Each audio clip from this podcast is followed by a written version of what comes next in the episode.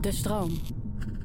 Mijn gast vandaag is psycholoog Thijs Launsbach, die net weer een heel mooi boek heeft geschreven. Je bent al genoeg. Het is eigenlijk een soort tegengeluid tegen die maakbare samenleving van productiviteit, effectiviteit, gaan, gaan, gaan. Nee, je bent al genoeg, zegt Thijs. Wat is een mens zonder houvast in zijn manier van leven? En ieder heeft een handvat en eigen rituelen. Orde in je hoofd zodat alles te overzien is.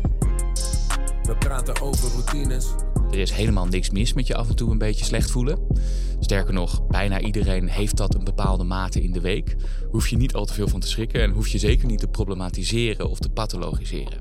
Hoort er gewoon bij. We praten over routines. Je ziet er uitgerust en eh, een beetje stralend zelfs uit. Wauw, nou dan, eh, dan hou ik mooi de schijn op. Ja, ja? want? Eh, het is een lange maand geweest. Maar de promotie ik, eh, van je boek, je bent ja. al genoeg. Ja, promotie van het boek. eh, daarnaast veel ander werk nog, afrondend werk. Ik mag wel ehm, eh, aanstaande dinsdag op vakantie. Ah. Dus ik denk dat je dat ook een beetje ziet in mijn blik. Ja, dat, zo werkt het. Hè? ja, precies. Ik ruik de stal. Ja, er is, is, is zelfs een theorie in die hele productiviteitshoek, waar, waar jij kritisch op bent, maar daarover straks meer. Ehm, eh, dat je dat gevoel van op vakantie gaan eh, en dan altijd alles lekker weg kunnen werken, omdat je zo'n hele duidelijke deadline hebt, dat je dat gevoel moet proberen te creëren op andere momenten in je week. Ja. Ja, Ehm. ja, volgens mij is dat eh, Godfried Bomans, die zei dat ooit een keer. Hè? Dus de, de, de truc van het leven is zorgen dat je het vakantiegevoel de hele, het hele jaar hebt. Maar goed, het is toch ook wel een beetje die, die- dat contrast tussen die twee dingen die dat maakt, volgens mij. Ja, ja, Elke dag op vakantie word je ook niet al te vrolijk van, volgens mij. Eh, maar nu, vandaag, Ja. hoe is je dag begonnen? Dit, eh, nou, we, we beginnen nu om half tien. Eh, dat betekent dat ik om kwart voor negen moest ik in de auto zitten. Dus dat betekent dat ik niet zo'n hele lange ochtend heb. Want ik ben niet zo van het vroeg opstaan. Heb ik wel vaker geprobeerd vanuit, oh je moet om, het is heel goed als je om vijf uur opstaat en dan van alles doet. Maar ehm, mij lukt dat gewoon niet zo. Ik ben meer een avondmens dan een ochtendmens. Dus dat betekent dat ik mijn, mijn ochtend een beetje heb kort gewiekt. Ehm, om hier op tijd te kunnen zijn. Eh, dus dat is eigenlijk ook het enige wat ik heb gedaan. Ik heb eh, opgestaan, een kop koffie gedronken. ehm, even een soort eh proteïnebar naar binnen gewerkt en in de auto gestapt. En is dat anders op een ochtend dat je wat later aan dingen begint? Ja, ik ben wel echt gaan waarderen, ehm, eh, de, de ochtend gaan waarderen. En ook wat langer de tijd hebben voor mezelf. En ik weet natuurlijk dat we het uitgebreid over routines zullen gaan hebben. Ik heb niet zo heel veel routines. Ehm, maar ik heb een paar routines waar ik me wel degelijk aan vasthoud. Ehm, en eh, als ik de tijd daarvoor heb in de ochtend, dan doe ik dat ook eh, braaf. En dan vind ik dat ook wel echt prettig. En dan voelt het ook alsof ik die tijd voor mezelf kan claimen. Wat zijn ze? Ik drink altijd koffie, s ochtends. Ik doe eigenlijk alles wat, eh, wat volgens de boekjes volgens mij niet moet. Ik drink veel koffie.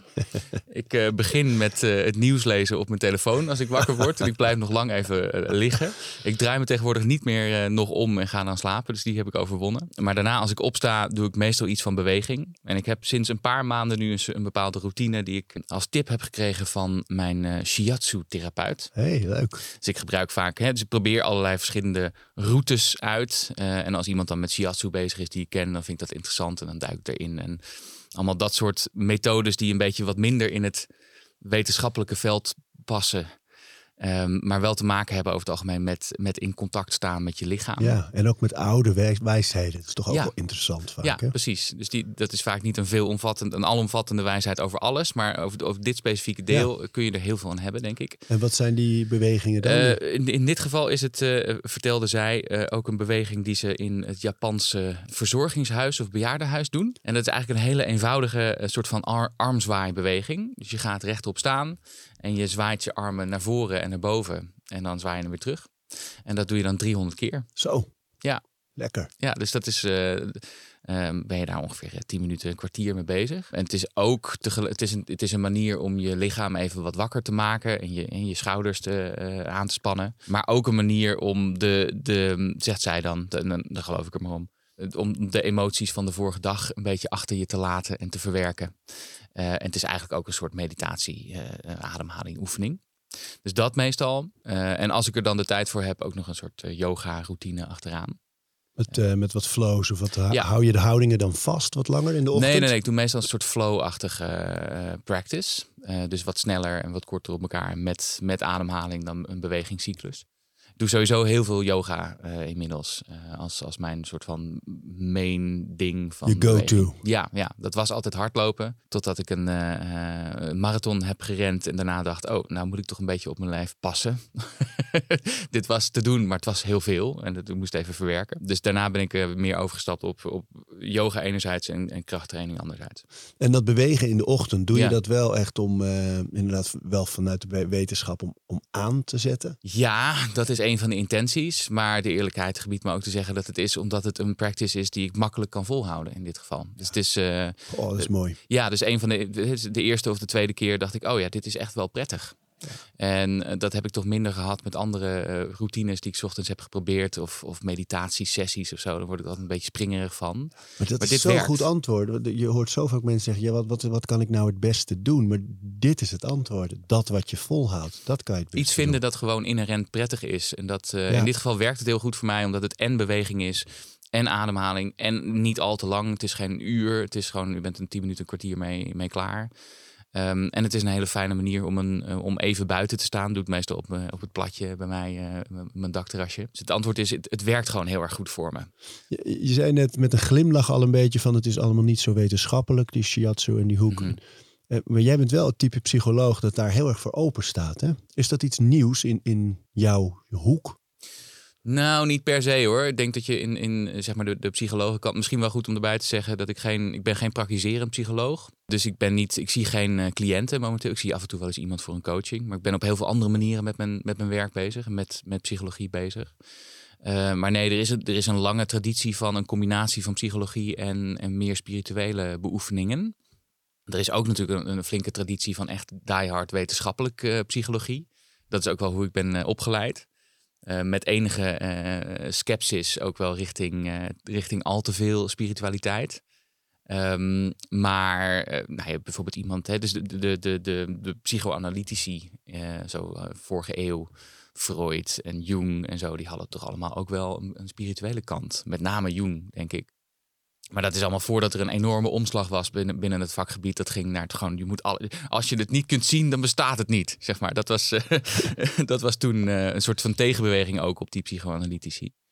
Ehm, dus, eh, dus hoe kwamen we hierop? Oh ja, ik Nou sta ja, open voor het- dingen. Ja, Ja, nee, ik vind ja. het ook. Ja, ik vind het dus ook wel. Dat heeft denk ik ook een beetje met mijn karakter te maken en dat ik het leuk vind om dingen te exploreren en te onderzoeken. Ik, ik ben wel van, oh, laten we het maar eens een keer proberen.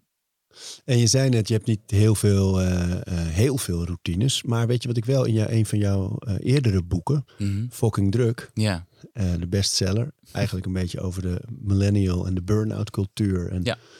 ehm, daarmee heb je echt ook wel je naam gevestigd. Dat als het nu ergens over burn-outs of millennials gaat, dan, weten ze je te vinden in de bellen ze media. Launsbach. Ja, Ja. Nee, dat, is, dat is waar. Maar da- daar staan wel heel veel ook tips en tricks in. Ja, Rituelen of routines zou je het kunnen noemen. Om om te gaan met tijd, met agenda, met nee zeggen. Met, Ja. met de indeling van je leven. Ja. Eh, het lijkt me wel leuk om daar eens... Want zitten daar nou nog veel van in jouw dag? Ehm, ja dat, dat denk ik wel. Maar een beetje, mijn vraag dan zou, zou dan een beetje zijn, wat is een routine? Hè? In mijn hoofd is dat iets dat je gewoon ook al jarenlang volhoudt. Omdat het routine is geworden. Nou, we Steven en ik hebben daar eh, in een soort reflectieaflevering... die we aan het einde van oh, die heb ik er seizoen- even gemist. Dus dat moet je dan Ja, ja, ja. Hebben we het daar een keer over gehad. Omdat dat is inderdaad relevant. Ik heb eigenlijk eerlijk gezegd ook wel eens geconcludeerd... dat misschien de titel van deze podcast eigenlijk over rituelen zou moeten heten. Ja. Of over gewoontes. Ja. Alleen, want het mooie denk ik is dat je, en dat doe jij, en dat noemde je net al... ook elke keer weer kijkt van, werkt dit voor mij? Is dit goed? Past dit nu in mijn leven? Doet het iets? Of eh, heb ik Ja. er wat aan? Ja. Hoe voel ik me erbij? En als het antwoord nee is op sommige van die vragen... dat je ook gewoon zegt, oké, dan weg ermee. Ja. En eh, gaan we iets anders Ah, proberen of iets nieuws dus doen. Het gaat, het gaat meer over rituelen dan over routine. Ja, ik moet, bij het woord routines denk ik altijd aan mijn vader. Die is standaards en die heeft eh, al 30 jaar, in 30 jaar zijn praktijk. En die is gewoon echt, al 30 jaar staat hij om kwart voor zeven op. Drinkt hij een kop thee, eet een boterham met hagelslag, stapt op de fiets en is om half acht in zijn praktijk. Zeg Ja. maar. En dat is gewoon 30 jaar. Ik zou zeggen, dat is een routine. Ja, maar dat is zeker een routine. maar kijk, maar, maar daar zit het dus. Want zo, ik kan, kijk, sommige mensen denken, oeh, zoveel vastigheid en eh, verschrikkelijk en niet impulsief. En, maar er zijn ook mensen die voelen in zo'n geval hoeveel rust dat geeft. Ja. Dat dat gedeelte, daar worden geen beslissingen genomen. Je hoeft er geen- niet meer over na te denken. Nee, dit staat. Ja. En dat geeft heel veel rust. Dat Ja. is een ontzettend lekkere basis om je dag in te beginnen. Het is volgens mij zelfs onderzocht was een onderzoek tussen Japanse schoolkinderen en Amerikaanse schoolkinderen. En Ehm, wat het deed, dat je zoveel beslissingen in de ochtend moet maken in de westerse cultuur. Dus de Mhm. Amerikaanse kinderen gingen nadenken over wat ze tijdens het ontbijt op televisie keken, welke kleren ze aan zouden doen, welke breakfast cereal ze kozen, of vader of moeder ze naar school bracht en in welke auto. Weet je, er waren heel veel Ja. beslissingen in die ochtend. En de Japanse kinderen aten elke dag hetzelfde ontbijt, deden een schooluniform aan. Er was geen televisie om te kijken naar in de ochtend. Niet dat ze dat in Japan niet hebben, maar Mhm. in dit onderzoek. Dus, en dat dat met je intelligentie, met je ontwikkeling echt wel iets deed. Ja. ja, volgens mij, die term is option fatigue hè? of choice fatigue. Je wordt op een gegeven moment gewoon hartstikke moe van al die keuzes die je maakt op dagelijkse basis. En je Ja. kan maar beter hebben dat je dat verschuift naar verderop op je dag. Dan dat je het, al die de belangrijke denkkracht 's ochtends al verspeelt aan al die keuzes die je maakt. Ja, Ja. ja. zonde. Dus ik snap je vader eigenlijk wel. En, Ja. en, en het fijne is ook dat als je elke dag zo doet, al 30 jaar lang, en het is een dag anders. Ik weet, ken je vader natuurlijk Mhm. niet, maar ik vind zelf in de dingen die ik wel dagelijks doe, dat als het dan een dagje niet is, is er niks aan de hand. Nee. Raak niet in Oh, dan heb je paniek. niet het gevoel van, oh, het, het nou, het voelt niet. wel soms onnatuurlijk, alsof er iets mist. Maar ik raak niet in paniek, omdat ik weet het was gisteren en het is morgen ook weer. Dus het geeft niet als het vandaag, met trainen bijvoorbeeld, het geeft niet zoveel vandaag. Of een, of een keer geen ijsbad of wat dan ook. Waar we het zeker over moeten hebben natuurlijk straks. Ja, ik dacht al. Dat Want pagina 33 van Ja, Je bent ja, ja, al genoeg. Ja, ja, ja. ja. gaan we nee, zo even gaan we het zo over hebben. Ik dacht al dat je daar misschien aanstoot aan zou nemen. Nee, nee, Eh, nee, geen aanstoot. Nee, juist niet. Oh nee, ah, nee dat wordt straks leuk. Dat wordt leuk. want dat is wel het beeld dat ontstaat misschien omdat ik groot voorstander ben van rituelen in je dag bouwen. En leunen op ritme en structuur. Maar ook zeker het gevaar zie. En daar schrijf jij over. Dus ik Ja. vind het juist heel leuk om daar samen over te Ja, dus het gevaar is dat je halstarrig wordt erin, hè? Of dat je, dat, dat je daar... Dan laten we het ehm, meteen ja. behandelen. Ja, nou, laten we dat doen. Is Ja, goed. want weet je, kijk, eh, inderdaad dat je halstarrig wordt. Maar ook wat er vaak gebeurt is dat mensen denken... ik ben niet helemaal blij. Ik voel me gestrest. Ik voel me niet goed. Dus ik ga koud douchen. Ja. Of dus, dus ik ga eh, een coach opbellen. Mhm. Eh, En ik denk dat dat te veel luisteren is naar de, nou ja, de quick fix samenleving, hè, waarin we toch ook leven en alles op shuffle. Ja. Eh, gaat iets niet goed, dan ga ik oplossen. Ik voel, ik voel me moe, dus ik moet op vakantie. Ja. Het is eigenlijk steeds net te laat. Ja. En voor mij zijn die, die rituelen, die structuren die ik bouw, die ik allereerst ook heel erg leuk vind om te doen. Dat is voor mij een van de belangrijkste redenen. En net als jij, dan lees ik iets in de wetenschap en denk ik, oh, dat ga ik proberen. En dan soms slaat het aan en vind ik het heel leuk of, of merk ik verschil.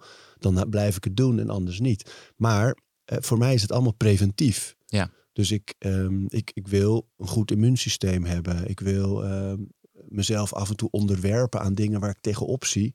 eh, zodat ik daar in de rest van het leven ook goed mee om kan, kan gaan. Maar ik doe het niet op, omdat ik gestrest ben of, of, of, richting een burn-out glij. En dan maar een soort houvast zoeken in die dingen. Ik denk dat dat is wat het, wat het verschil maakt eh, of uitmaakt. Ik denk dat dat het verschil is, inderdaad. Ehm, en kijk, er is natuurlijk niks mis met, met proberen je werkdag te structureren of je dag te structureren of een manier te vinden die je daarin prettig vindt. Waar ik wel tegen, hè, waar, waar, waar Nou, ik wil je boos dat over voorlezen? Ja, is drie- pagina 33. Vind ik, ik vind dat zo'n lekker begin. Het hoofdstuk heet ook, het is hoofdstuk 2 uit het boek. Oh ja, Happyisme. happyisme. ja, zal ik weer eens voorlezen en Ja, dan, ja, dan zal ik daarna er, er iets over zeggen? Stop wanneer je wil. Ja, Het is een podcast, je Het kan is ook podcast, doorlezen. nou ja, het grappige is, ik ben dus nu, ik ga straks door naar de studio waar ik hem voorlees, want het audioboek komt eraan. Ah, vandaar- leuk. Ik heb dit van eerder deze week heb ik al voorgelezen. Eh, dus dit is het begin van een hoofdstuk. Om vijf uur opstaan. In je bullet journal schrijven. Je intenties alignen. Koud afdouchen. Meer volgens je kernwaarden leven. In de spiegel zeggen dat je de moeite waard bent. Mediteren tot je een ons weegt. Een half uurtje per dag lachyoga. Vegan of glutenvrij gaan eten. Negatieve mensen uit je leven bannen. De stilte in jezelf opzoeken. Erover praten met een life coach, een energiecoach, een lichtwerker of spiritueel begeleider. Een smoothie drinken met spinazie. Een inspirerende quote opzoeken. Sporten om daarmee endorfines aan te maken. Doen wat energie geeft, zodat het weer gaat stromen. Jezelf verwennen met een enorme ontploffende badbal met glitters. Voel je je ongelukkig, dan zijn er opties te over. De lijst van de dingen die je kunt proberen om je beter te voelen is eindeloos. Er is altijd wel iets dat je kunt veranderen aan jezelf, je gewoontes of je mindset om je beter te voelen. Ik vraag me wel eens af of die nadruk op geluk ons daadwerkelijk gelukkiger maakt. Een hoop van de dingen uit de lijst hierboven kunnen wel degelijk helpen om je een beetje beter te voelen. Maar je krijgt van al dit geluksgedoe nog een andere boodschap mee. Ben je ongelukkig, dan is dat een probleem. Een probleem dat je onmiddellijk moet gaan oplossen. Ja, dat vind ik heel mooi, het einde. Want natuurlijk, sommige van die dingen spelen in mijn leven ook Ja, echt zeker, wel een ja. Maar ik vind, dat vind ik zo mooi dat, kijk, daar ageer ik ook heel graag tegen. Van, dat het lijkt alsof alles maakbaar is. Ja. En dat dat gesuggereerd wordt. Ehm, en dat als je dus niet gelukkig bent, dat, dat, dat jij daar iets aan kan doen Ja. En dat het, of dat het je schuld is. Ja. Dat er iets niet in orde is. Ja, ja, ja. Terwijl, eh, nee, ik, ik roep juist ook heel graag, nee, dat hoort er echt ook bij. Die sombere dagen en die, die vooral te omarmen. Ja, ja, ik denk dat dat hem precies is. Dus de, de nuance, en dat is misschien nog wel even goed om, om, om te duiden. Kijk, er zijn allerlei dingen die je kunt, zoals ik net al zeg in het boek, er zijn allerlei dingen die je kunt doen om je een beetje beter te voelen als dat nodig is. Voor mijn gevoel zijn we wel een bepaalde grens over, of hebben, hebben een tipping point bereikt, waarin we wel heel erg nadruk zijn gaan leggen op al die dingen die je kunt doen om je beter te voelen. En dat valt ook heel erg binnen dat idee van maakbaarheid en het idee van individualisme. Hè? Eh, het idee dat je zelf je leven vormgeeft. En dat je zelfs volledig controle hebt over hoe je je voelt. En inderdaad, wat jij zegt, dat als je je een keertje kloten voelt. Ik weet niet of het mag schelden in je podcast. Maar bij nou dan. nog. Vloeken. Nee, en weet je wat het is? Schelden doe ik zelf. Ik, weet Ja. je, ik zeg ook vaak zomaar ineens komt er een shit of een fuck of een... Ja. Alleen ehm, eh, en, en met vloeken heb ik altijd wel... Dat, dat komt door mijn moeder. Als wij vroeger vloekten, omdat vriendjes dat deden... dan zei mijn moeder niet, je mag niet vloeken. Mhm. Dan zei ze, kies eens een woord dat anderen niet zoveel gebruiken. Wees Oh, eens ja. origineel. Origineel invloed, oké. de vloek is gewoon, is gewoon geen origineel woord. Het is gewoon eh Nee. povere woordkeuze eigenlijk. Ja. Maar shit en fuck natuurlijk net zo goed. Precies, dat is Doe wat je wil, daar komt het op Ja, neer. fijn, oké. Ja, maar, maar wees wel creatief in je taalgebruik. Oké. Ja, ja, eh, zie daar de uitdaging. Ehm, ja, dus als je een keertje, en ik gebruik hier heel bewust natuurlijk een krachtterm, als je een keertje kloten voelt, eh, dan is dat niet per se een probleem dat je nu moet oplossen. Dat beeld hebben we vaak wel, hè, van dan is er iets mis. Als je je minder voelt, dan moet dat meteen opgelost worden. En er zijn er allemaal methoden voor. En vaak hebben die methoden dan te maken met iets externs dat je naar binnen schuift. Hè? Een coach of een zelfhulpboek of een guru of eh, ehm, een, een, een online cursus. Ehm, die zijn ook allemaal voorhanden. Eh, en het gevoel dat je daarvan kunt krijgen is, als je je dus niet goed voelt of ongelukkig voelt, dat er iets mis met je is. En dat dat een gevoel is dat zo snel mogelijk de wereld uitgeholpen moet worden. Terwijl ik zou zeggen, ten eerste, er is helemaal niks mis met je af en toe een beetje slecht voelen. Sterker nog, de meeste van, hè, bijna iedereen heeft dat een bepaalde mate in de week. Hoef je niet al te veel van te schrikken en hoef je zeker niet te problematiseren of te pathologiseren. Hoort er gewoon bij. Eh, en ten tweede, we hebben maar een, Ondanks dat we het heel graag willen. En ondanks dat er wel dus dingen zijn die je kunt doen om je af en toe wat beter te voelen. Hebben we niet voor 100% controle over ons gevoel. Dat is misschien ook maar goed. Want dat zou ook niet een hele leuke wereld zijn. Weet je, die contrasten tussen wanneer je je goed voelt en wanneer je je minder voelt, die zijn ook heel mooi en waardevol in de menselijke ervaring, denk ik. Ja, ja. Ehm, maar we kunnen niet alles controleren. Er zijn dingen die buiten je controlesfeer liggen met, met betrekking tot je gevoel. En sterker nog, ook al die gevoelens die we nu eigenlijk be- wegschuiven voor mijn gevoel. Hè, die, die lastige gevoelens van angst, boosheid, eh, jaloezie, onzekerheid. Daarvan leren we eigenlijk al, van kinds af, aan dat we die moeten wegschuiven. Hè, die mogen er eigenlijk niet zijn. Dat idee ben je toxic ehm, positivity gaan noemen. Hè? Dat is de term die daarvoor gebruikt wordt. Dat je, het, het voorbeeld dat ik vaak geef, hè, je, bent, je bent je baan ehm, kwijt, je, hebt ontslag eh, gekregen en je zegt dat tegen een vriend of vriendin. En die vriend of vriendin zegt, ja, maar je hebt nu wel lekker veel tijd om na te denken over wat je dan wel wil. Hè? Met andere woorden, eh, dat, dat la- lastige gevoel, dat mag er niet zijn. We gaan gelijk meteen de positieve kanten ervan inzien. Terwijl Dat is te vroeg. is te vroeg. En die, die, die negatieve, tussen aanhalingstekens, eh, emoties, die zeggen wel degelijk iets. En die heb je ook nodig, denk ik. Die heb je ook nodig. hoe En werkt weet je, eh, nou ja, die, die, zijn, die zijn ook raadgevers. Dus we hebben nu heel erg het gevoel, en dat is ook een beetje het psychologische denken en het klinisch psychologische denken. Hè, als je verdrietig bent, dan moet je uitkijken dat je niet gedeprimeerd of depressief bent, zeg maar. En er zijn ook, hè, er zijn ook psychologische problemen als je consequent moe, eh, angstig bent of moe bent of, of verdrietig bent. Maar af en toe verdriet hebben, of af en toe je onzeker voelen, of af en toe ongelooflijk jaloers zijn op die andere persoon die wel is waar jij wil zijn, is helemaal niks mis mee. En dat zegt ook iets over wat jij belangrijk vindt, of iets dat nog niet helemaal goed loopt, ehm, eh, of iets waar je op de een of andere manier over na te denken hebt. Dus ik heb het gevoel dat we veel te sterk ten eerste zeggen, je moet gewoon 100% controle hebben over je mindset, wat we niet hebben. En ten tweede dat we al die ook waardevolle emoties, die, die negatievere emoties, dat we die wegdrukken. En dat die er niet mogen zijn, omdat je je zo ontzettend goed moet voelen. Ehm, en dan krijg je een soort over eh, op al die positieve dingen. En ook dus het gevoel wat je heel erg sterk kunt hebben als je je even niet zo goed voelt. Oh, er is iets mis met mij en het ligt aan mij. Uh, terwijl dat is volgens mij dus helemaal niet zo. Kijk, en, en dan dat zie je heel veel gebeuren. Hè? Dat, en dat mensen ook echt uh, daarover dus niet meer durven praten dan. Mm -hmm. Want oei, dan laat ik zien dat het met mij niet zo goed gaat. Terwijl al die andere moedjes is zien bloeien. Ja. ja. Uh, op alle social media ja. en in de rest van het leven waar het maar geconfronteerd wordt met dat geluk van derden. Um, alleen hoe ga je er dan mee om? Ik had bijvoorbeeld, ik had een paar weken geleden zat ik ook had ik ineens een beetje het gevoel dat ik de, de grip een beetje kwijt was. Mm -hmm. uh, waren ah, fijn, zelfs jij hebt dat gevoel ja, af en toe. Nee, zeker. En huilen en somberte, alles, tuurlijk. Mm -hmm. Het gekke is, ik heb daar met mijn vrouw vaak over. Omdat um, ik vertel best wel vaak over de, de minder leuke dingen in, ja. in, mijn leven. Over broers die verslaafd zijn, mensen die ik verloren ben.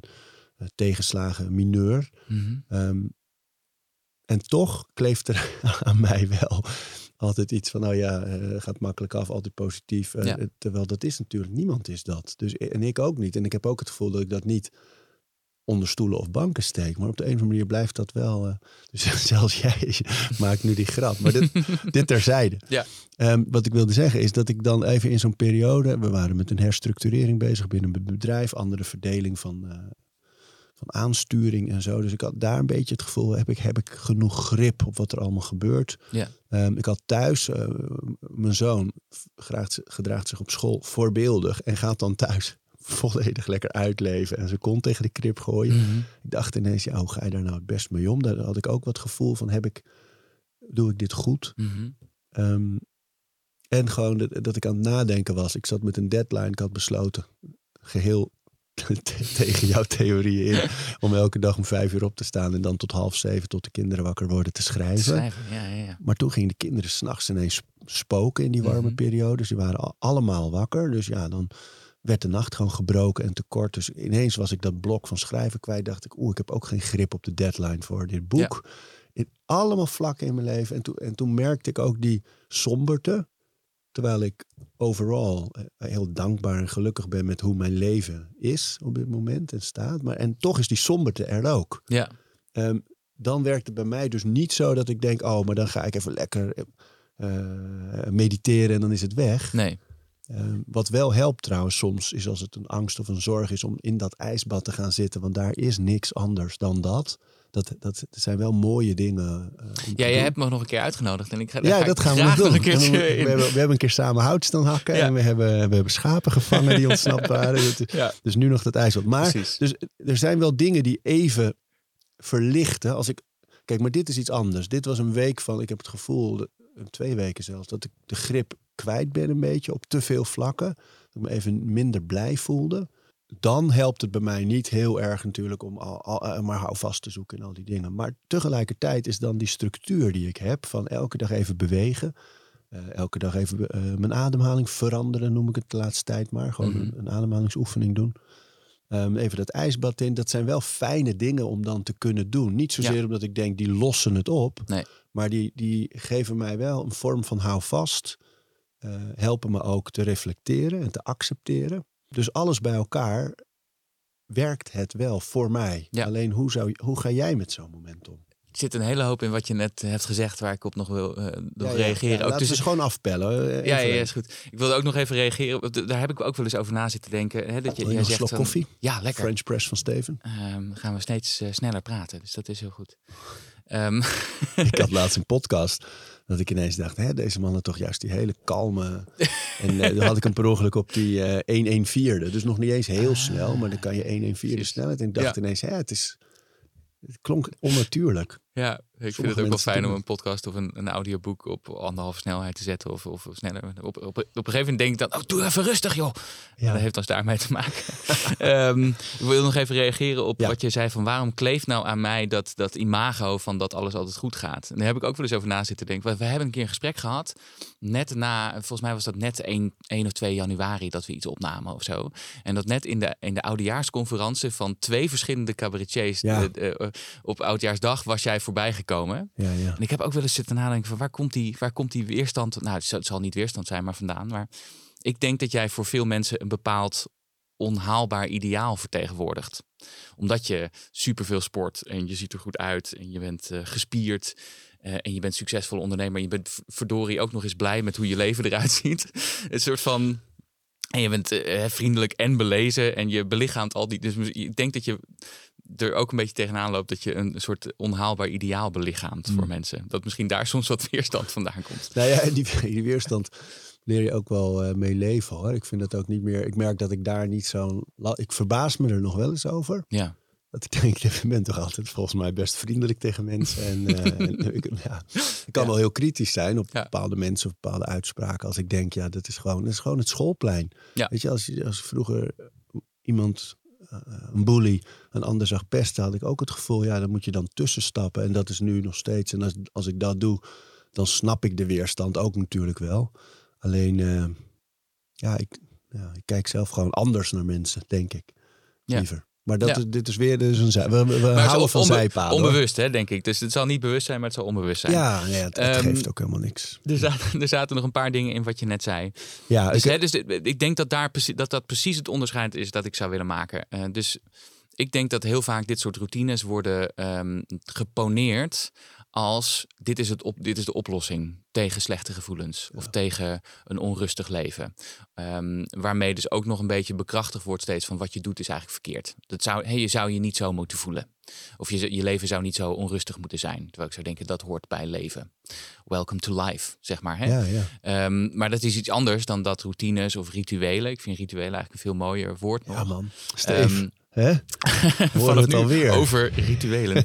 Ehm, maar, eh, Je moeder had gelijk. eh, eh, precies. Ehm, dat, dat dat een soort houvast geeft voor hoe je leeft. En ik denk dat dat een heel belangrijk onderscheid is. Ik denk dat het dat namelijk heel goed kan zijn. En dat we misschien ook te weinig rituelen hebben, waardoor we die zelf ook moeten bedenken. Want rituelen zijn natuurlijk oorspronkelijk vaak collectieve rituelen. Dus die hebben helemaal niet zoveel te maken met jij als persoon. Misschien ook wel een beetje, maar die hebben meer te maken met samen mens zijn. Nou, komen we misschien nog, nog, e- nog even op. Want ik denk dat dat een heel belangrijk thema is. Hè? Dat we vaak de verbinding met anderen verliezen. En dan binnen onze eigen individuele controlesfeer heel erg bezig gaan met hoe ziet mijn leven eruit. Terwijl we niet doorhebben dat we, ons, dat we eigenlijk een heel gevoel van ik, waar hoor ik bij hebben. Ja. Ehm, nu moet ik denken aan het beeld dat jij in je boek schetst. Dat je zelf, volgens mij op zo rond je 12, 13e of zo, Mhm. na een zomer in aanraking was gekomen met twee jongens die in de metal zaten. En op school kwam opdagen met lang haar, een spijkerketting om je nek, Ja. Iron Maiden shirt en dan en eh, een leren jas. en eh, eh, van, die, van die hele wijde broeken met, met scheuren erin, weet je Toen wel. hoorde je ergens bij. Ja, toen hoorde ik ergens bij, precies. En toen had ik mijn tribe gevonden. Ja, maar die tribe wil ik het zeker even Ja. over hebben straks. Maar laten we het even, even terug naar het afpellen. Want Ja. daar is dus het onderscheid van... Ja, en, wat ik Ja, nog even wil zeggen. Jij vroeg hoe ga jij nou om met dat soort eh, eh, dingen? Eh, nou, ook ik heb daar geen algemeen. hè, ik, ik heb niet iets dat dat oplost. En ik word er ook nog wel vaak mee geconfronteerd. Met, zeker rond, rond het uitkomen van zo'n boek. Met gevoelens van: oh, wordt het wel opgepakt? Of angst dat je heel veel werk hebt gedaan en dat het niet landt in de wereld. Of En die angst, hè, Ja. van, van, daar, want daar, ben ik ook veel mee bezig. Maar ik denk veel mensen van, wat, wat is dat nou ten diepste, die angst? Het gaat niet over succes. nee, het gaat om gezien willen. Voor mij gaat het om gezien willen worden en erbij mogen horen. Ja, ja, en dat dat aan bepaalde eisen in mijn hoofd voldoet. Eh, dat je daaraan moet voldoen en dan mag je erbij horen.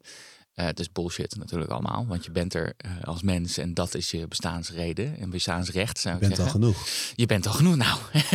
Eh, precies. Maar toch, weet je, onbewust zit er bij mij dat ook wel in. Van, ik moet dat halen en ik moet er zo uitzien en ik moet dat gewicht hebben en ik moet die... Of je relevant laten- bent ook als, ja, als ben ik relevant of ben ik, worden, worden mijn stukken wel goed gelezen? Hè? Dat, soort, dat soort dingen.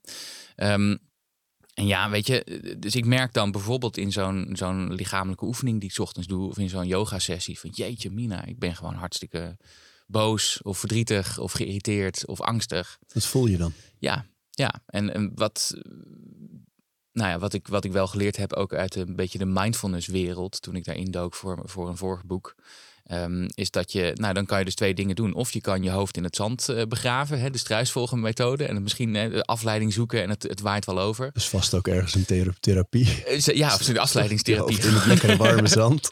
oh ja, dus misschien is dat wel een goede. Met zo'n zo'n uh, zo'n zo'n pijpje dat je nog wel kunt ademen. Misschien letterlijk strui, struisvogeltherapie hebben we uitgevonden, Arie. Kijk. um, maar dat is dus optie 1. Optie 2 is, hoe vervelend het ook is en hoe akelig dat ook is, er gewoon even mee gaan zitten zitten. Denk je, oké, ik voel me nu kloten. Ja, nou, uh, laat het maar even binnenkomen. Ook niet van, oh, dan moet ik nu allerlei dingen gaan bedenken dat ik dat kan oplossen. Maar wel van, hé, hey, wat... Um, het heeft ook wel te maken, ik schrijf verder in het boek, met een beetje compassie voor jezelf kunnen hebben. En je, jezelf de vraag kunnen stellen, hé, hey, wat heb ik nu nodig? Of wat kan ik mezelf geven? Of um, dus dat, dat, dat soort vragen aan jezelf kunnen stellen. Want je weet ongetwijfeld, je kunt pas compassie met anderen hebben als je dat ook met jezelf hebt. Hè? Ja, ja, ja. Um, dus, uh, maar, maar, maar ja. neem die exercitie eens, uh, ja. neem eens mee daarin. Van dan voel je dus uh, wat, nou, wat, angst of wat zorgen. Ja. En dan stel je jezelf die vragen van wat, wat kan ja. Dus bijvoorbeeld even, even naar binnen gaan. En dan je de vraag stellen, hey, hoe gaat het nu eigenlijk met me? Wat, hoe zit ik er nu bij? Wat voel ik allemaal? En dan vraag je niet waarom of waar komt het vandaan? Nee, ik denk dat die analyse die is, die is pas voor daarna eigenlijk. Hè? Dus, uh, dus, dus je hebt gewoon te maken met hoe je je voelt. En um, wij mensen zijn dan allemaal wel heel erg ingesteld op een verklaringsmodel vinden. Van waarom voel ik me nou zo? Wat is het verhaal dat ik hierover bedenk? Dat kan allemaal even wachten. Maar gewoon er even mee zitten van hey, hoe voel ik me? Een volgende vraag, hey, wat, wat heb ik nodig? Wat zou, wat zou nu iets van verbetering brengen? Of misschien het niet oplossen, maar misschien, nou, misschien uh, een kopje thee voor mezelf uh, zetten. Of een goede vriend of vriendin opbellen. Of even een rondje wandelen. Of even een half uurtje niet met werk bezig hoeven zijn. He, dat soort dingen. Wat kan ik mezelf geven? En dan kan je ook nog de vraag stellen, wat wens ik mezelf toe?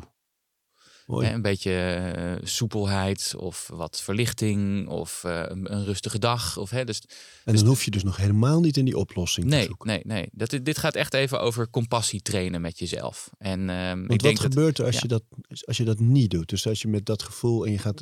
En dan heb ik niet over jou persoonlijk, maar men. Ja. Met dat gevoel de dag in, wat zoveel mensen doen. Van je staat op en je hebt misschien het gevoel, maar hup, die trein op. Ja, ja. Nou, ik denk dus dat dat vaak misgaat. Want dat is de, volgens mij de manier van coping met dat soort lastige gevoelens die we aangeleerd hebben. Ja. Dus in plaats van ermee te gaan zitten, want dat is, laten we eerlijk zijn, hartstikke vervelend. En dat doet zeer soms, er even mee gaan zitten. Het is wel, je zult wel merken dat op het moment dat je echt even gaat zitten met zo'n emotie, dat die ook op een gegeven moment wel afvlakt. Want een emotie heeft gewoon een looptijd, zeg maar, van uh, 10, 20 minuten. En dan is het ergste er wel af.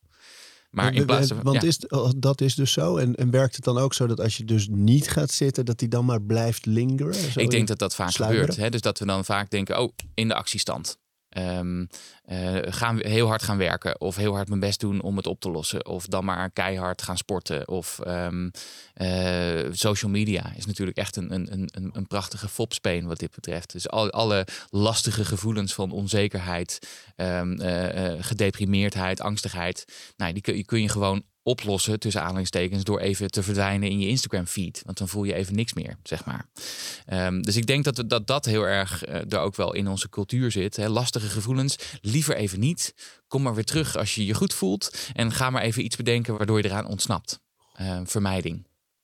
Uh, terwijl ik zou zeggen, snappen dat dat soort lastige, nogmaals tussen aanhalingstekens, lastige gevoelens erbij horen. En ook iets zeggen en dat die er mogen zijn. En dat het bovendien volstrekt normaal is dat je af en toe gedeprimeerd bent of angstig bent of boos bent. Uh, dat is een veel gezondere manier om hiermee om te gaan. Deze aflevering van Overroutines wordt aangeboden door Squarespace. Een alles in één platform waar je je eigen website kunt bouwen en beheren. Het maakt niet uit of je producten, diensten of je passie met de wereld wil delen. Het kan allemaal bij Squarespace. Ik noem even kort drie handige functies van het platform. Met het ontwerpsysteem kan je makkelijk je website vormgeven en het helemaal eigen maken. Squarespace analyseert hoe je website presteert en wat er voor nodig is om je bedrijf online verder te laten groeien.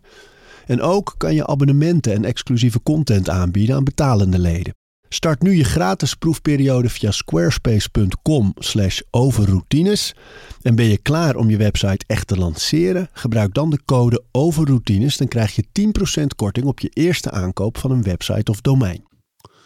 Ja, ik, blijf steeds op haken dat ik denk dat die rituelen inderdaad, zoals in dit lijstje ook in Mhm. je boek, preventief heel mooi kunnen zijn. Ja. En een hele mooie structuur kunnen geven. Of eh, ervoor kunnen zorgen dat je je over het algemeen evenwichtig voelt. Ja. Of juist die tegenslag ook kan incasseren. Maar dat mensen te vaak hem pas gaan opzoeken als het te hard nodig is. Dus als je al half in die burn-out staat met één been. Ja. En denkt van ja, nu ga ik al die dingen doen. En dan zet je nog veel meer druk op jezelf. Want ik ga het eens even oplossen. En dat lukt natuurlijk niet. Nee, nee, nee, Dat precies. het daar misgaat. Ja, ja en dat, dat denk ik ook. En een van de dingen waar ik dat aan terug zit, de associatie die ik nu heb, is ik, ik kijk dan af en toe nog wel op mijn Instagram. Ik probeer dat zoveel, zo min mogelijk te doen. En eh, ik heb daar een bepaald systeem voor, waardoor ik niet de hele tijd met mijn telefoon in mijn hand zit. Zeg Die maar. wil ik zo horen. Ja, ja, ja, precies. Maar wat, ik, wat me daar heel erg opvalt, is dat je nu dus een, een, een dat zal door de door mijn algoritme zijn en waar ik, waar ik op reageer. Ik word overladen met allemaal reclames voor apps die mijn gedachten veranderen. Of die mij met meditatie beloven dat mijn leven beter wordt. En denk ik altijd. ik mo- ik moet van jouw moeder natuurlijk niet schelden of eh, creatief schelden. Dan denk, denk altijd, loop naar de pomp. Hè, dus Oh, fuck mooi. off met je, Ja, met ja, je, ja. met je eh, apps die mijn leven beter gaan maken, zeg maar. Want dat is, weet je, het is niet onschuldig. Ik denk dat ik veel, ik ik ageer veel tegen de coaching-industrie en de, de, de motivational speakers en dat soort, dat soort dingen. Ehm, vaak zijn die intenties van die mensen om jou ook echt te helpen, tussen aanhalingstekens. Maar wat daar ook mee binnenkomt, is die boodschap van het is volkomen slecht op het moment dat je je niet goed voelt. En dat moet meteen opgelost worden.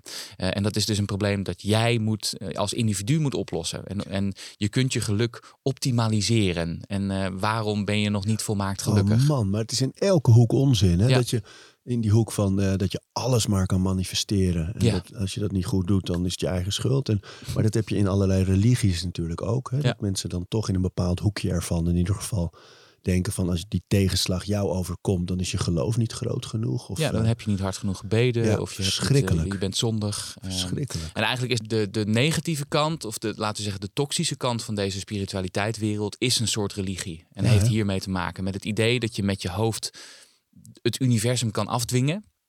En dat je ook rein moet zijn. Ehm, en dat je intenties alleen maar goed kunnen zijn. En dat je een soort lichtend voorbeeld moet zijn. ehm, eh, en helemaal de- moet deugen. En dat er dan van alles gebeurt in het universum dat, eh, dat, dat, dat jou overlaat met cadeaus en eh, verdiensten, zeg maar. En je bedoelt deugen in het ouderwetse, gewoon de of- officiële term, toch? De, en Ja, niet, niet de deugdzaam- nieuwe, het nieuwe deugdzaam deug. leven. Ja, ja, ja. Ja, ja, ja. Eh, dus Ja. als je nou maar goed genoeg leeft en, eh, en, en, en eh, je chakra schoon krijgt en ehm, eh, inderdaad al die dingen gaat doen die te maken hebben met dankbaarheid en, en vroeg opstaan en heel hard sporten en dat soort dingen, dat dan vanzelf je leven volma- volmaakt zal worden. Ja. Nou, niet, helaas. nee, Sorry, dat is het om een mens te zijn. Goed man. Ja, nee, het is zo. Hey, je zei, ik heb een systeem om, Oh, ja, ja, eh, om te gaan met eh, dat ik social media niet voortdurend erbij pak. Ja, ja, Want ik dus- zag ook dat je alweer in een of andere discussie terecht kwam met een lezer of iemand die ergens een van je interviews had ge- gevolgd. En die had gezegd, ja, maar je, zit, je, bent, je bent die psycholoog die tegen social media en je zit er zelf op. Ja, precies. Nee, dat, dat is ook zo. Dat is ook zo. En ik weet je, ik heb ik, een flink hoofdstuk eh, schrijf ik over social media. Want ik denk dat dat een van de grotere gevaren is waar we nu mee te maken hebben. Je denkt, ah, een beetje frivol en zo. Maar het is wel iets waar we uren per dag mee bezig zijn. En zeker uren in de week mee bezig zijn. En het doet iets met je mentale gezondheid. Ja, joh, tuurlijk. Eh, dus ik ben ook echt voortdurend bezig met, met wat kan ik nou doen hieraan om te zorgen dat ik er wel misschien wat voordelen van heb. Want ik ben auteur en ik ben bezig met mijn werk over het voetlicht krijgen. Maar dat ik er niet door word opgeslokt. En een van de, van de methodes die ik dan beschrijf is, ik heb, ik heb een, een column dus in het Algemeen Dagblad, die ik elke week ook eh, post.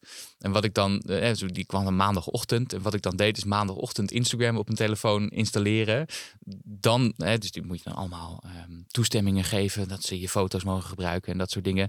Dan die column posten en dan gelijk die app er weer van mijn telefoon afhalen. Dat was voor mij eigenlijk de enige manier om dat te doen. Als ik dat niet deed, dan was ik gewoon binnen een halve dag weer een uur per dag aan het scrollen, zeg maar. Zo snel ging dat.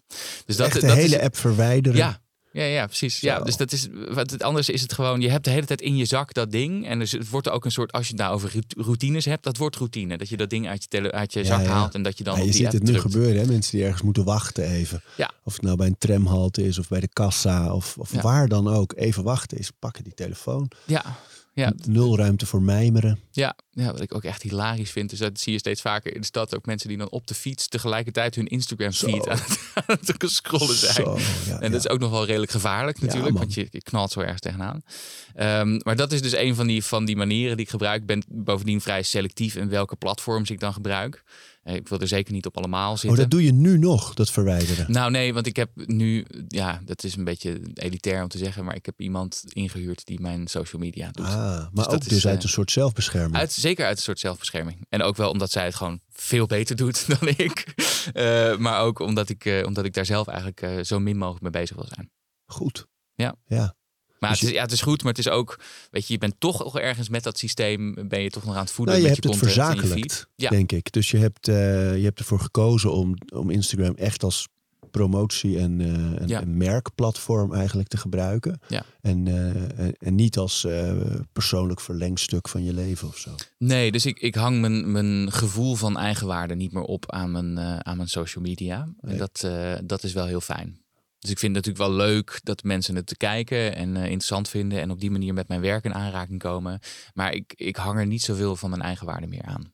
Hoe kom je tot zoiets, tot zo'n stap van, van mensen die nu luisteren en denken, ja, dat heb ik toch wel een beetje. Want het gaat toch over, je plaatst iets vanuit de gedachte dat het gezien wordt en geliked wordt. En Ja. dat er comments komen en engagement is. Ja, ja, ja. Hoe, Eh, hoe, hoe kom je tot dat moment dat je zegt van ik ga dat niet meer doen. Ik, ik wil niet dat daar mijn eigen waarde mee gevoed wordt. Of, Nou, ik, het is sowieso iets dat in mijn eigen leven steeds voorkomt. Hè. Dus al die dingen waar ik over schrijf, die heb ik in mijn eigen leven heb ik ook mee te maken. Dus ik loop daar gewoon tegenaan. En ik denk wel, hey, ik wil dit eigenlijk niet, maar toch merk ik dat ik een half uur per dag of een uur per dag eh, op mijn feed zit. Terwijl ik eigenlijk denk dat het onzin is. En dus dat, dat is eh, het teken van verslaafd zijn, zou ik zeggen. Dus weten dat het eigenlijk niet zo goed voor je is, maar het toch doen of er niet mee kunnen stoppen. Ehm, en het is natuurlijk, weet je, ik, ik schrijf juist over mentale gezondheid en de wereld van nu, zeg maar. Hè, en wat we kunnen doen om ons mentaal weerbaarder te maken. Dus natuurlijk is dat ook een van de grote onderwerpen. Dus, dus eh, en het is, zeg maar, ehm, eh, eh, beroepsmatig ook mijn onderzoeksgebied. En ik kom het in mijn eigen leven tegen. En dat betekent dat ik veel lees over de gevaren van social media. En kijk, ik denk dat iedereen iedereen die een keer de social dilemma heeft gezien, die zal een soort knagend gevoel achterin zijn hoofd hebben van hey, docu klopt over niet hoe helemaal. social media werken met Ja. algoritme en de ja, gedachten, als je die nog niet hebt gezien, meteen gaan zien, Zo, denk ik. nou Want het is, eh, daar wordt precies ontleed wat voor een machine het is waarmee Ja. wij verslaafd gemaakt worden. Ehm, en eh, nou ja, het, is het, het, het vreselijke hieraan is dat Ja. wij als gebruikers, wij zijn niet wij zijn niet de klanten van dit soort bedrijven. Wij zijn het product dat wordt verkocht. Onze aandacht en onze interesse en onze content in zekere zin ook wordt gebruikt tegen ons om ons zoveel mogelijk op die platforms te houden. Ja. Ehm, en, En de ondertussen. vertellers in de docu zijn ook de mensen die het allemaal bedacht en gemaakt hebben hè, in Ja. die wereld. Dat, dat maakt het zo sterk. Dat je Dat maakt het sterk en dat maakt het ook heel wrang. Want dan heb je dus een aantal mensen waarvan je denkt, nou, jij hebt het gemaakt. Jij bent de architect van dit Ja, algoritme. oh man. Ik, En dan ga je nu zitten zeggen dat, het, dat je zoveel spijt hebt. Ja, hallo, had je daar niet eerder mee kunnen zijn? dat hele, die hele infinity pool theorie die erin zat. Dat, ehm, wat dan op een gegeven moment ontstond. En ik, ik weet nog het moment dat, dat dat veranderde. Dat je eerder altijd, als je een serie aan het kijken was, dan moest je echt teruggaan naar het overzicht, klikken, play. En dan kwam het he de hele leader weer. Ik, ik Ja. hoor nog die hele tune van eh, Game of Thrones. Die elke keer weer die hele intro door moest. Ja. Met die animaties. En, ehm, maar, en dat op een gegeven moment bedacht is, nee jongens, dat is niet handig. We gaan infinity pool, zo'n zo'n zwembad dat maar door lijkt te gaan. Ja. eh, gedachten gebruiken hiervoor. Dat als de aflevering af is gelopen, begint meteen de nieuwe. Ja. Daar hoef je niks voor te doen. Dus je wordt er echt ingezogen. En dat is dan alleen maar één trucje. En als je dan nog kijkt inderdaad met de algoritmes en wat je wel en niet te zien krijgt en wie dat bepaalt. Notificaties. Notificaties die binnenkomen. Dus elke keer dat jij iets binnenkrijgt op je telefoon, stop jij met waar je mee bezig bent en dan kijk je naar wat er binnenkomt. Dat is gewoon een volledige dominantie over je belevingswereld zit Ja. daarin. Ja. En het, zijn, het is inderdaad dat in- infinity pool eh, idee van, van Netflix. Hè, dat je maar door kan blijven kijken en door kan blijven kijken. Maar ook alles op je telefoon is ingericht op zoveel mogelijk op dat ding zitten. alles op Instagram, alles op Facebook, alles op LinkedIn, Twitter is gemaakt om jou zoveel mogelijk erbij te houden. Uh, want het is heel goed voor hen, want dan kunnen ze namelijk meer geld verdienen met het voorschotelen van advertenties. Het is niet zo goed voor jou, want je hebt maar een hele beperkte tijd dat je hier op aarde kunt leven en mag leven. En, uh, 4000 weken ongeveer. 4000 Weeks. Ja, dat is die Oliver Burkman, hè, die daar een boek, over heeft geschreven. Prachtig boek. Um, dus dat is de tijd die je hebt. En je kunt je tijd maar um, één keer uitgeven. En je kan het niet opsparen. En je kan het maar één keer investeren in de dingen die jij belangrijk vindt. En er is dus een heel apparaat van gigantische bedrijven die gigantische winst maken. Die er alleen maar op uit, uit zijn om zoveel mogelijk tijd van jou af te pakken. Dat is denk ik de situatie. En niet alleen dat, maar je wordt er ook nog eens ongelukkiger van en onzeker ervan. En je communicatieve vaardigheden gaan er van achteruit. Nou, um, maar toch hebben we het idee, oh, het is zo fijn. Want het, het, het is, uh, weet je, we kunnen even ontsnappen in die wereld. En er zijn allerlei leuke kattenfilmpjes die je dan ziet. En, uh, hè, dus dus er, zijn, er zijn ook wel voordelen. Maar als je, als je er met iets meer afstand naar kijkt, kun je echt wel de vraag stellen van, is dit nou de moeite waard? Is dit de, de investering van mijn tijd waard? Ja, dat is denk ik altijd relevant. En op sommige momenten is die voor mij in ieder geval absoluut nee. En wanneer die ja is, is dat eigenlijk vooral omdat Instagram met name voor mij ook een bron is aan um, creativiteit op het gebied van sport en uh, wetenschap. Ja. Um, dus ik gebruik Instagram. Een deel van de mensen die ik volg, volg ik omdat ik ze goed ken. Of omdat het vrienden en kennissen zijn. Mm -hmm. Of mhm. omdat ze te gast zijn geweest. Of weet je, dat, dat is een blok. Dan heb ik een heel groot deel van mensen die op, met sport en gezondheid bezig zijn op een bepaalde manier die ik inspirerend vind of leerzaam. En dan heb ik heel veel wetenschappers die van alles publiceren over onderzoeken en, uh, in, in, sport en gezondheid. En voor mij is het eigenlijk vooral uh, doel en zaak om dus niet in die hoek te komen van uh, mensen die vooral zichzelf laten zien en hun leven en de dingen die ze hebben en mm -hmm. waar ze wel niet allemaal zijn. En in zo'n scroll-modus te komen, swipe-modus. Van, uh, dan zit je daar ineens drie kwartier op de wc met je ja. telefoon in ja, de hand. precies. Die, die Jaloers weg... te zijn op wat iemand anders wel heeft en ah, jij niet. Dus uh, vooral te gebruiken aan, uh, geef mij een venster op de wereld dat ik ja. zelf niet heb. Of geef mij kennis en, en, en creativiteit die ik uh, graag aanboor. Maar uh, nou ja, die, deze bron is veel dieper dan mijn eigen bron, bijvoorbeeld. Ja. Uh, daar, wordt het, daar is het waardevol. Maar ja, ook ik, want je komt via die dingen toch altijd weer in een hoekje dat je denkt: wow, zit, hè, wat?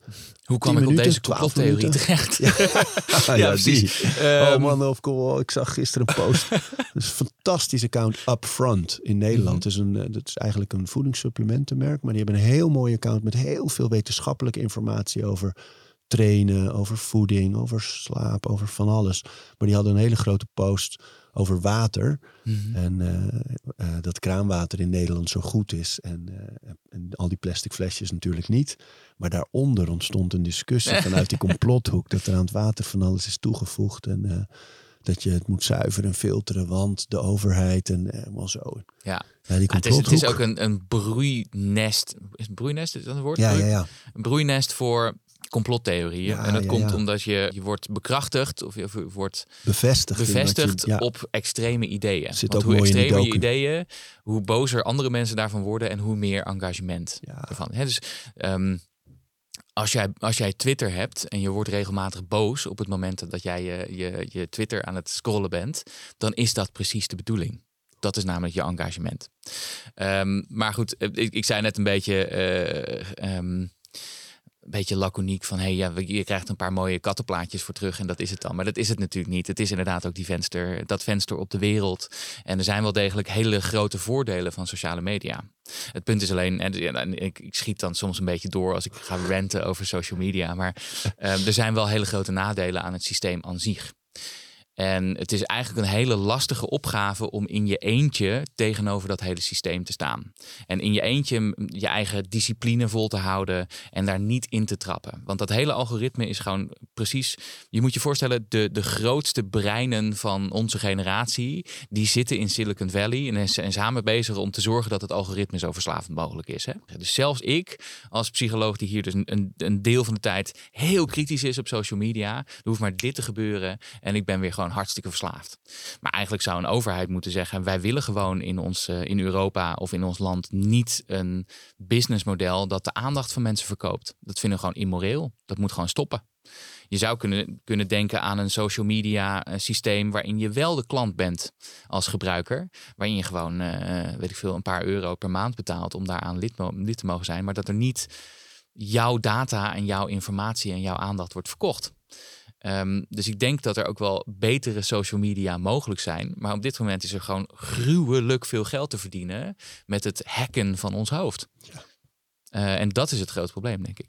Dit is hoe je omgaat met social media. Mm In fucking druk had oh ja, je het ook routines. veel over. over ja, nee, ja, ja, maar daar zitten we nog wel.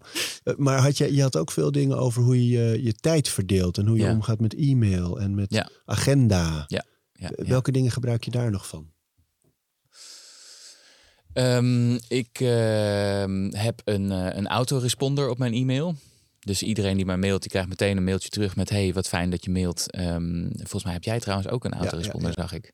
Bij jou is hij nog iets strenger. Dus ik zeg, eh, al je mail wordt gelezen en ik kom er wel op terug. En, en jij zegt, nou, ik kan niet alles lezen. Dus het zou best kunnen dat ik niet reageer. Dat vind ik heel vervelend zelf, maar dat, uh, dat is nou eenmaal zo. Um, dus dat is fijn, want dat managt een beetje de verwachting van mensen die je dan mailen. Hè. Dus mensen hebben nog wel eens de verwachting als ze mailen... dat, het, dat er binnen een dag komt er uh, antwoord op terug Um, nou, dan, dan, dat, verwacht, dat, dat managt die verwachting zeg maar een beetje.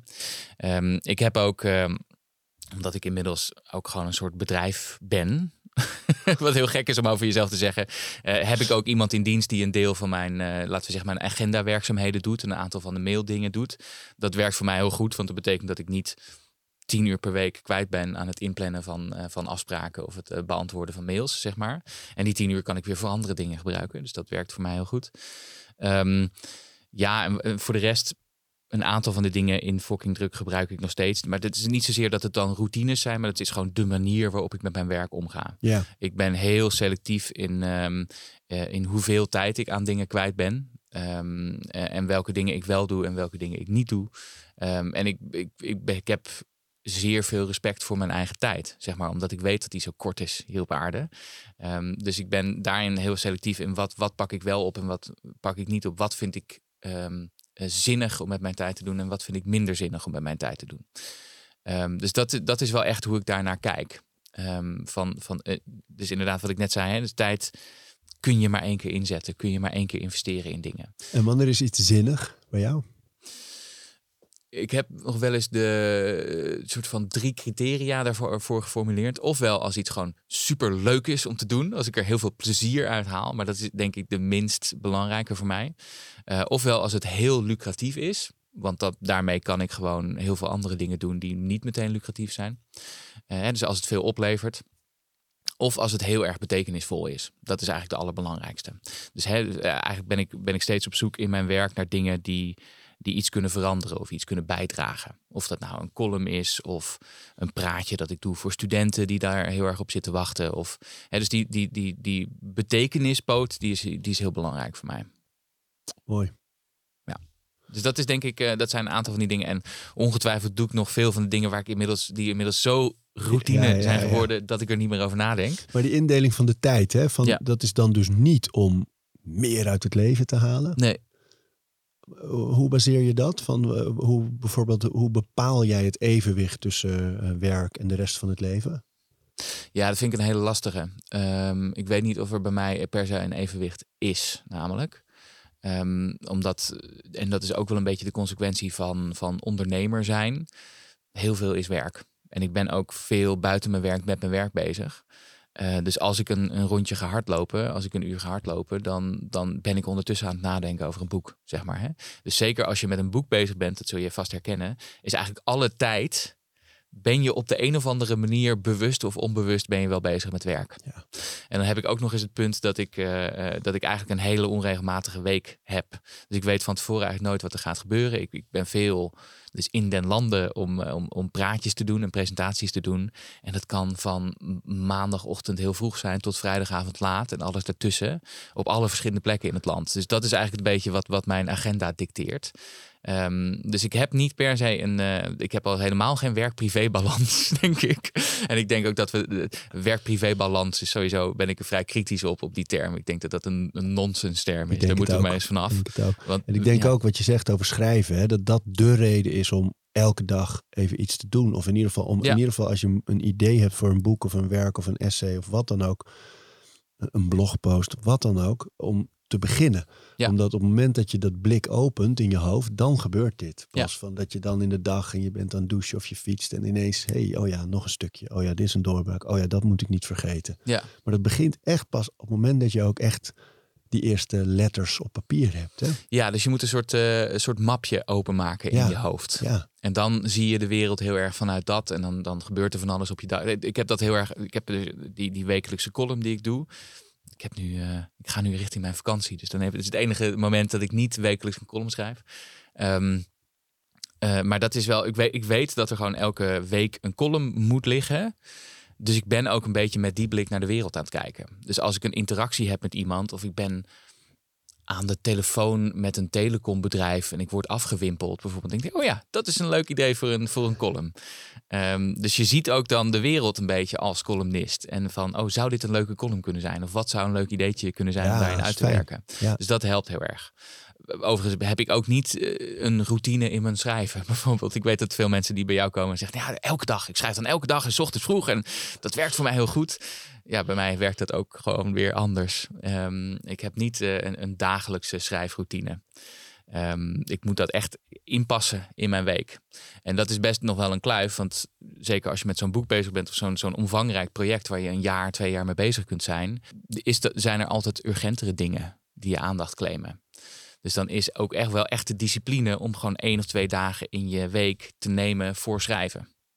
Als we het nou toch over routines of rituelen hebben. Eh, dus ik, wat ik heel fijn vind is bijvoorbeeld een, een blok van drie dagen nemen en dan ergens in een huisje gaan zitten. Of ergens op een mooie plek zitten waar ik in mijn eentje ben. eh, en niet gestoord word en echt kan concentreren op een, op een moeilijk stuk. Dat werkt voor mij heel goed. Mooi. Hey, en eh, tot slot wil, wil ik wel nog met je hebben, want je Tot zei... slot, we zijn net begonnen. Ja, toch? lijkt wel. Hè? Zal ik eens kijken hoe laat het is? Ja, moet je kijken. Oh jeetje. Ja. Maar want je zei over die tribes, over, ehm, je, je schrijft heel veel over verbinding en hoe belangrijk het toch voor mensen is om het gevoel he- te hebben ergens bij te horen. Ja. Ehm, waarom is dat zo belangrijk voor ons? Omdat wij in essentie een eh, gezelschapdier zijn of een kuddedier zijn. Dat zijn we altijd geweest. En als je naar onze geschiedenis kijkt, dan is dat, eh, laten we zeggen, voor 95% leefden we dan in stammen. En in stamverband. En dat is ook waar ons zenuwstelsel op is ingesteld. Hè? Dus dat is waar onze zelfregulatie is op, op is ingesteld. Op het feit dat je andere mensen om je heen hebt. Dus we komen uit een tijd dat we eigenlijk voortdurend met andere mensen om ons heen waren. Dat je eh, sliep met verschillende mensen in een, in, een huis of hè, met, met, mensen in de buurt. En sommige mensen waren dan wakker en dan andere mensen sliepen dan. Eh, dat je een kampvuur had waaraan je eh, verhalen vertelde. Dat je met elkaar ging jagen of, of voedsel ging zoeken. Ehm, en dat is eigenlijk een beetje wat je ook als je, als je naar Burgers Zo gaat. Een beetje hè, die, die, die, die apentroepen. Frans de Waal heeft hier fantastische boeken over. Die zie je dat ook gewoon doen. En die zijn gewoon de hele dag een beetje met elkaar aan het hangen. En die flooien elkaar een beetje. En, en, dan gaan, hè, dus die zijn de hele tijd een beetje met elkaar in contact. Wij mensen flooien dan niet, maar wij mensen praten. Dat is eigenlijk hetzelfde. Hè? We doen voortdurend kleine gesprekjes met iedereen. En dat is onze manier van even Flooien. flooien. Maar we zijn eh, gewend en we zijn afgesteld om in zo'n groep te leven. Maar we hebben nu een ideologie, eigenlijk al een paar honderd jaar, die heel erg gericht is op het individu. Op jij en jouw leven, jouw individuele leven. Ik maak me daar wel eens zorgen over. Want ik denk dat er onderliggend, onder veel van de problemen die we meemaken, veel van de problemen die we zien, zit ook vaak een enorme behoefte aan ergens bij horen. En aan de stam om je heen en de veiligheid van de groep om je heen. Ehm, en ik denk dat we dat een beetje aan het kwijtraken zijn. En dat we te veel als eenling, als individu, als eenzaam mens in het leven komen te staan. Terwijl we ook weten uit wetenschappelijk onderzoek dat juist de verbinding met anderen zo ontzettend belangrijk is voor je mentale gezondheid. Ja. Dus eenzaamheid maakt al het andere psychologische lijden erger, zo ongeveer. Ehm, En zorg ervoor dat je gewoon een beetje verloren in de wereld kan zijn. Terwijl ergens bij kunnen horen, bij een tribe of bij een groep of bij een vereniging, of dat nou een carnavalsvereniging is of een politieke partij, zeg maar, ergens bij mogen horen en kunnen horen is ontzettend goed voor je. En is ontzettend belangrijk. Uh, en juist dat zijn we steeds meer aan het verliezen. Dus daar maak ik me wel zorgen over. Dan kan het natuurlijk gebeuren dat iemand denkt van wat ze dan zien op social media en om zich heen misschien in andere media, uh, daar wil ik bij horen. Dus ik ga ook die dingen proberen te doen. En ik ga ook dat laten zien. En ik word ook. Dat lijkt me dan weer juist een niet zo positieve ontwikkeling. Dat denk ik ook. En dat, dat komt omdat je op, op televisie en op je social media feed zie je vooral een reclame van wat het leven zou moeten zijn. En wat jou verkocht wordt als, het, als een soort ideaalbeeld. Maar dat is helemaal niet de norm. Dat is een soort Fata Morgana waar je dan achteraan zit. Dus ik denk dat dat, je, dat, dat, dat, dat klopt. Uh, wat we natuurlijk wel erg doen, is onszelf spiegelen aan andere mensen. En idealitair spiegel je jezelf dan aan een echt mens en niet aan het imago dat iemand uitdraagt op, op social media bijvoorbeeld. Uh, dus ik denk dat er zeker in die verwachtingen over wat je leven moet zijn en hoe je leven eruit moet zien en hoe je lichaam eruit moet zien, Um, daar, daar gebeurt ook wat. Die zijn we steeds meer aan het opschroeven, waardoor we denken: ja, maar ik ben er nog niet, want ik, mijn leven ziet er nog niet zo uit, zeg maar. Dat is dus ook het resultaat van, gek genoeg, van een wereld waarin je wel uh, eh, 2000 volgers hebt op je Instagram, maar niet weet hoe je buren heten, zeg maar. Hè? Dus dat, dat, is, dat is het een beetje. Wat je denk ik veel beter kunt doen, en nu komt een beetje het stichtelijke CDA-stukje van dit, uh, van dit praatje, is je aansluiten en uh, sociale verbinding zoeken. Um, en een third place zoeken. Hè? Een plek waar je kunt hangen los van je werk of van je huis met andere mensen. Oh ja, dus van die, uh, heet die Oldenburg of die uh, socioloog? Die, ik weet die third niet place? zo goed wie, wie de socioloog is die erbij hoort, moet ik eerlijk zeggen. Zo'n Nederlands klinkende naam, maar het is een Scandinaviër ja, volgens mij. Ja, ja, precies. Maar in ieder geval die third place, leg dat eens uit. Want je hebt dan de first place, is, is je, is je huis. huis. Hè? Second place is je werkplek. Of, of school geloof ik. Of je school. Ja. Hè, dus waar je de meeste professionele tijd doorbrengt. En je third place is de plek waar je gewoon een beetje kunt hangen met andere mensen. En voor mij, mijn third place is een, is een koffietent in Haarlem. Die ik ook verder niet zal noemen, omdat, uh, omdat die ook een beetje het idee is dat het een beetje klein blijft. Maar dat is de plek waar ik gewoon een aantal dagen per week ben om een boek te lezen of een beetje te werken. Min of meer iedereen ken. Uh, dus dat is mijn third place. Maar het kan ook een. Nou ja, ik kan me voorstellen dat het voor veel mensen de Vondelgym is. Bijvoorbeeld, ja, ja, hè? ja. Nou ja, dat is echt Um, een van de strategieën, een van de gedachten achter. Je hoort erbij. Ja. Ja, Ja. Eh, en, je, en, en je, je komt bekenden tegen en je kan ook een beetje hangen. En, Ja. ehm, ehm, dus da- dat, of het kan een stamkroeg zijn, of een carnavalsvereniging, of wat dan ook. Maar Hoe kom je erachter? Hoe kom je erachter wat voor jou... Ja, Want ik, ik, ik heb het gevoel dat veel mensen ook een beetje verloren zijn in de zoektocht naar Ja. dat type verbinding. ja, ja, dat vind ik een hele goede vraag. En dat, zou, dat, dat weet ik niet per se. Behalve dat je je dus wel, denk ik, moet openstellen daarvoor. Dus, dus ook wel bedenkt van, hé, hey, ik, ik wil een plek die, die gemeenschappelijk is. En daar wil ik bij horen. En dat kan natuurlijk, ik zou zeggen, zoek vooral wat plekken in jouw specifieke wijk of stad. Hè? Of dat nou een koffietent is of de bibliotheek. Er zijn plekken waar je bij kunt horen. En waarom is het zo belangrijk voor ons? Omdat leven uiteindelijk niet gaat over wat jij als individu bereikt, maar wat je kunt doen met anderen. Daar ben ik echt vast van overtuigd. Um, dus ik denk dat we ook een beetje, nou dus om het woord Fata Morgana nog maar eens te gebruiken, dat, dat we een beetje achter een Fata Morgana lopen van. Dat is een hele rare beeldspraak, beeldspraak trouwens. Maar hè, dat, we, dat we achter een soort waanidee lopen van, van individueel succes. Wat jij kunt krijgen en wat er op jouw bank, bankrekening kan staan. En hoe jouw lichaam eruit ziet. En wat jouw droombaan is. Um, maar dat we uiteindelijk gelukkiger worden of tevredener raken van de dingen die we met anderen kunnen doen. En misschien juist de momenten dat we onszelf en ons eigen ego even kunnen vergeten.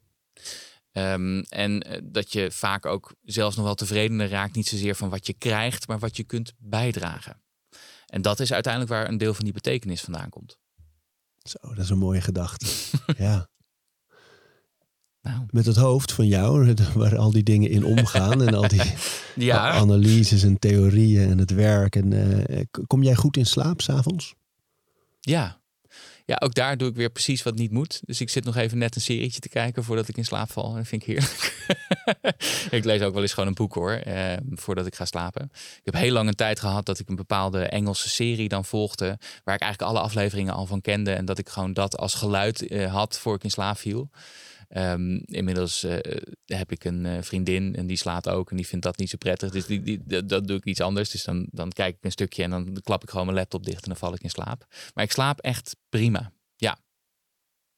Dus je hebt geen rituelen voor de avond, behalve dan dat een beetje Nee. kijken nog en soms is een boek. Nee, nee, nee, nee, nee. Geen rituelen.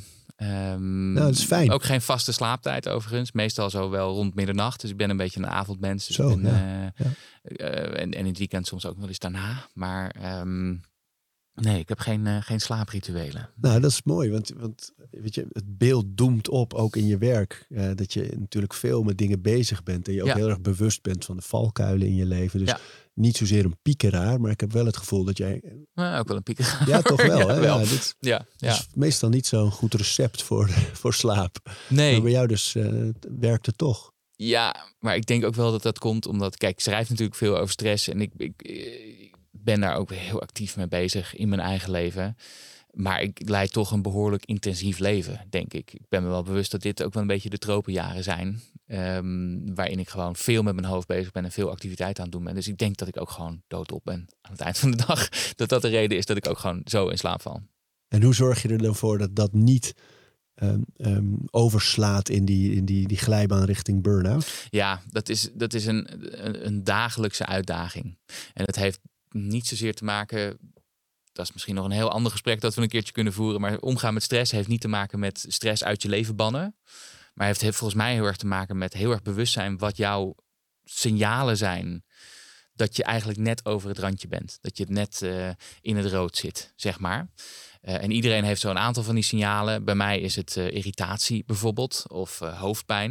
En als ik die merk van mezelf in dat intensieve leven, dan weet ik wel echt van, oh ja, nu moet ik wel gaan uitkijken. En nu moet ik mijn, mijn, ehm, eh, mijn programma er ook wel een beetje op aanpassen. En nu geeft mijn lichaam dus aan dat ik net over het randje ben, dus dan moet ik ook wel ingrijpen. Ehm, eh, ik denk dat dat natuurlijk vaak fout gaat, omdat mensen of niet doorhebben wat hun signalen zijn en, en dus dat negeren. Eh, ofwel denken, ja, maar ik ben nu met zoiets belangrijks bezig, ik moet dit nog even afmaken en dan kan ik voor mezelf zorgen. Terwijl ik zou zeggen, voor jezelf zorgen is iets dat je op dagelijkse basis doet. Niet als de nood al aan de man is. Dus ik vergelijk het in het boek ook met, eh, met water drinken. Als je dorst hebt, ben je eigenlijk al te laat, zeg maar. Dan had je al wat eerder moeten drinken. Dus idealiter eh, is, is zelfzorg een soort dagelijk, iets dat je dagelijks doet en dat je een soort noodzakelijk onderhoud om al het andere mogelijk te maken. Zijn we weer terug aan het begin van het gesprek. Nou, mooi rondje toch? Ja, leuk man. Het boek heet Je bent al genoeg, mentaal gezond in een gestoorde wereld. Ja, Van de auteur van Fucking Druk. Beide boeken absolute aanraders. Mooi werk. Thijs Launsbach, dankjewel. heel graag gedaan.